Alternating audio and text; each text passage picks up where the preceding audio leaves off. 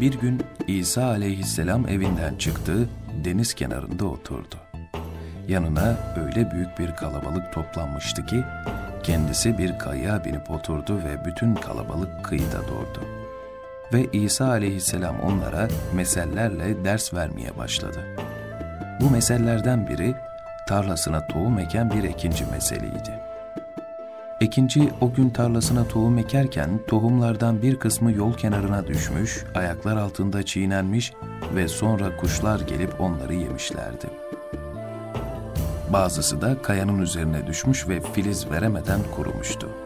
Bazısı dikenlerin ortasına düşmüş, dikenlerle beraber filiz vermiş, ne var ki dikenler onu boğmuşlardı.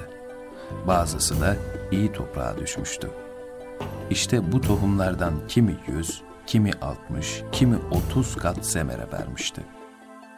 İsa aleyhisselam bu mesele anlattıktan sonra işitecek kulakları olan işitsin diye nida etti.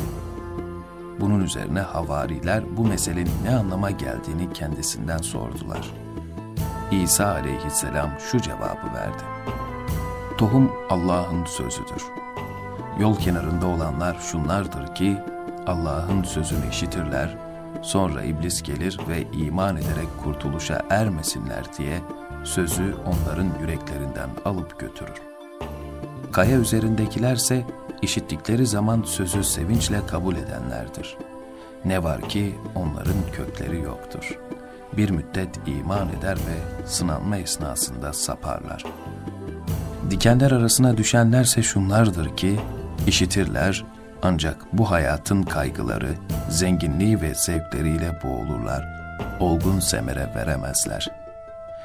İyi toprağa düşenlerse şunlardır ki, Allah'ın sözünü dinleyip sadık ve iyi bir yürekte tutarlar ve sabırla semere verirler.''